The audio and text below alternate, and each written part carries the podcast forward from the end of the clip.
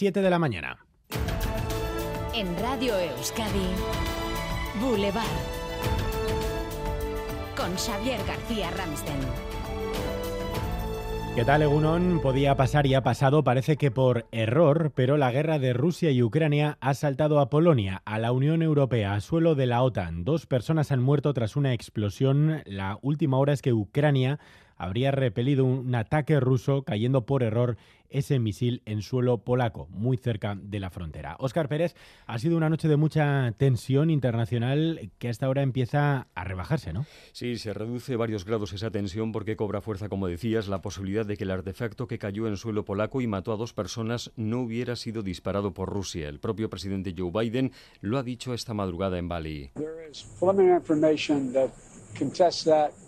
I don't want to say that till we completely investigate, but it, it is, uh, I, I, it's unlikely Biden decía que veía improbable por la trayectoria que el misil hubiera salido de suelo ruso. Investigaciones preliminares apuntan a que podría tratarse de un misil antiaéreo de Ucrania que se desvió de su trayectoria. Polonia investiga, mientras la OTAN va a reunir a sus embajadores en Bruselas esta misma mañana. Los líderes del G20 se han reunido también de madrugada en Bali para analizar la situación. Pues enseguida conectamos con nuestras corresponsales en Asia, donde se celebra esa cumbre del G20 y en Bruselas para conocer la última hora, las reacciones desde la Unión Europea y la previa de esa reunión hoy de la OTAN. Además, Aneira Zabal está eh, camino de Polonia a lo largo del día. Iremos contactando también con ella. Y dentro de una hora, análisis con nuestro analista internacional, experto en diplomacia, Miquel Mancisidor, estará con nosotros a partir de las 8 en Boulevard.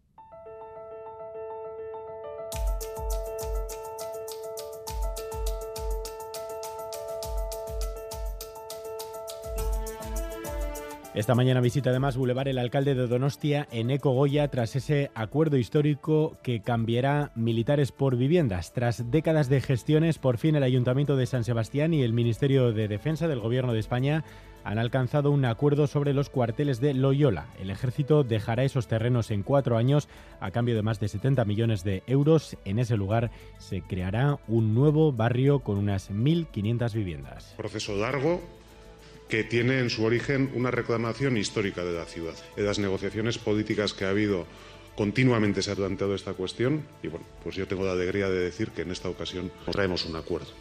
Y antes a las 9 de la mañana, hoy visita Boulevard el diputado general de Álava, Ramiro González. Entre otras cosas, le preguntaremos por estas palabras. Ayer en Boulevard, del líder de los empresarios alaveses pide cambios fiscales. Admite que podemos aprender de otras comunidades como Madrid nos encontramos con, buenas palabras por parte de la Administración y, con voluntad, pero hay, hay, que llevar esto al terreno de lo práctico. Evidentemente también hay que tomar nota de lo que están haciendo otros y funciona por lo menos en la parte positiva, no digo en su integridad, pero sí lo bueno. No nos tenemos que creer los mejores siempre en todo, ¿no? Hay cosas que otros hacen bien, de todo el mundo se puede aprender. Hay cosas que en Madrid se están haciendo bien, de hecho Madrid está absorbiendo mucha inversión nueva. Y cambios fiscales también se piden al gobierno vasco desde la oposición. Hoy cita clave para los presupuestos del año que viene. El consejero Pedro Azpiazu vuelve a citarse con EH Bildu, el Carrequín Podemos y el grupo PP Ciudadanos. Mayalen Iriarte estuvo ayer por la tarde en Gambara. Sobre la fiscalidad, una cosa más. Pues para dar respuesta a todo esto, desde luego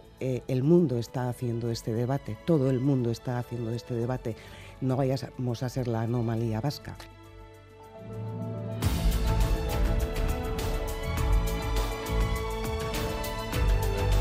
Así bien, este miércoles 16 de noviembre que nos deja más noticias, las repasamos en titulares con Ichaso Güemes y Leire García. Donald Trump ha confirmado esta madrugada que se presentará a las elecciones del año 2024. A pesar de los resultados del Partido Republicano en las elecciones de medio mandato, ha confirmado que optará a la reelección. Dice que él devolverá la gloria a un país que, en su opinión, con Joe Biden ha entrado en decadencia. Osakidecha cambia los protocolos para acceder a las áreas de maternidad tras el secuestro de un recién nacido en el hospital de Basurto. Los familiares y el personal solo podrá acceder si cuenta con una tarjeta de identificación y se reforzará la vigilancia. El protocolo denominado No me dejéis solo para que el bebé esté acompañado en todo momento se entregará en papel y se verificará la recepción por parte de los padres. El presidente de la corporación Mondragón pide a Ulma y Orona que no abandonen el grupo. Guzín considera que la salida sería perjudicial para ambas partes. Tras la celebración del Congreso, este martes se mostraba dispuesto a dialogar para afrontar la situación. El 16 de diciembre está previsto que los socios de Ulma y Orona voten y se tome la decisión definitiva. Los elevados precios de los alimentos impiden una mayor bajada del IPC. El dato global del mes de octubre fue un punto y medio más bajo que en septiembre, pero los alimentos aumentaron un 15,4%, el mayor incremento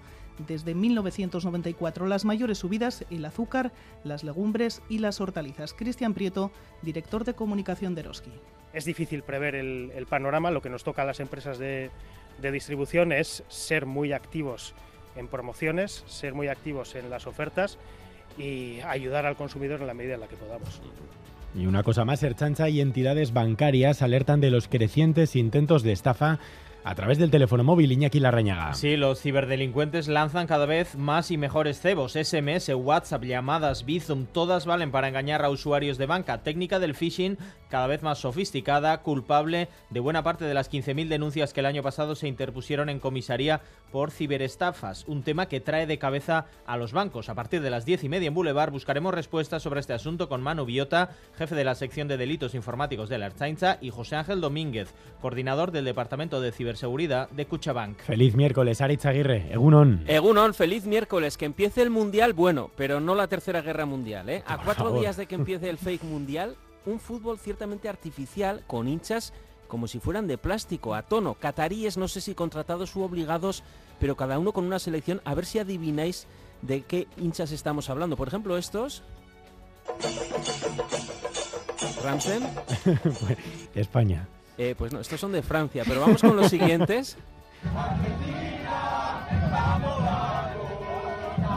Hinchazo de Italia. Bueno, si dicen vamos a Argentina, igual no se escuchaba Hay bien. Ahí. Pero bueno, tampoco te los acabas de creer, ¿eh? eh un poco homogéneo, como quien entra a un centro comercial en cualquier parte del mundo.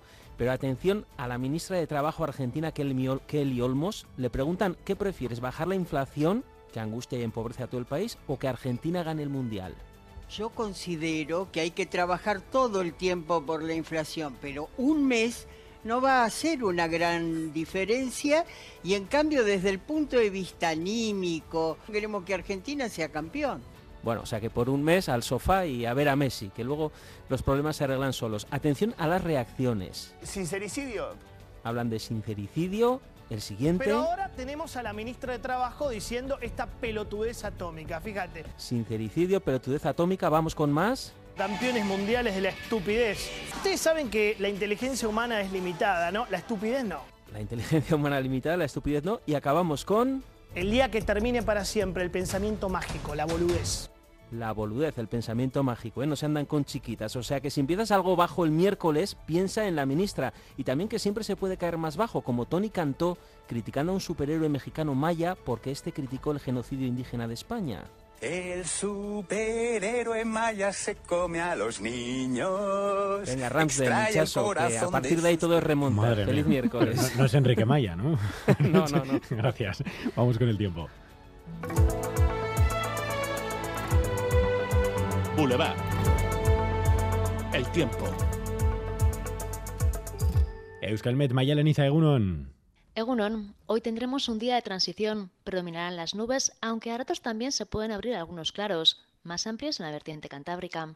Luego, al final de la tarde, las nubes pueden ir a más y puede caer alguna gota dispersa, pero en general no lloverá. Hoy también soplará el viento del suroeste, ganará fuerza por la tarde y puede llegar a ser molesto, pero debido a este viento del sur, las temperaturas máximas seguirán siendo templadas, especialmente en la mitad norte, donde rondarán los 19-20 grados. En el resto se quedarán en torno a los 15-16 grados. De modo que hoy veremos nubes y claros y seguiremos con viento del suroeste. A esta hora tenemos 15 grados en Bilbao, 12 en Donostia, en Durango y en Biarritz, 12 eh, también en Endaya y en Lantarón, 11 en Gasteiz, 8 en Iruña, 7 en Tafalla, 688-840-840. Egunon, zumaiatik. Hemen amabi gradu eta aize pixkatxo bat bakarrik. Bihar arte. Egunon, legioan amabi gradu ondo pasa. Egunon, zaraustik, amairu gradu, ongi izan. Sin problemas en carretera, según nos informa el Departamento de Seguridad, 7 de la mañana y 9 minutos, comenzamos. Radio Euskadi, Boulevard, con Xavier García Ramsden.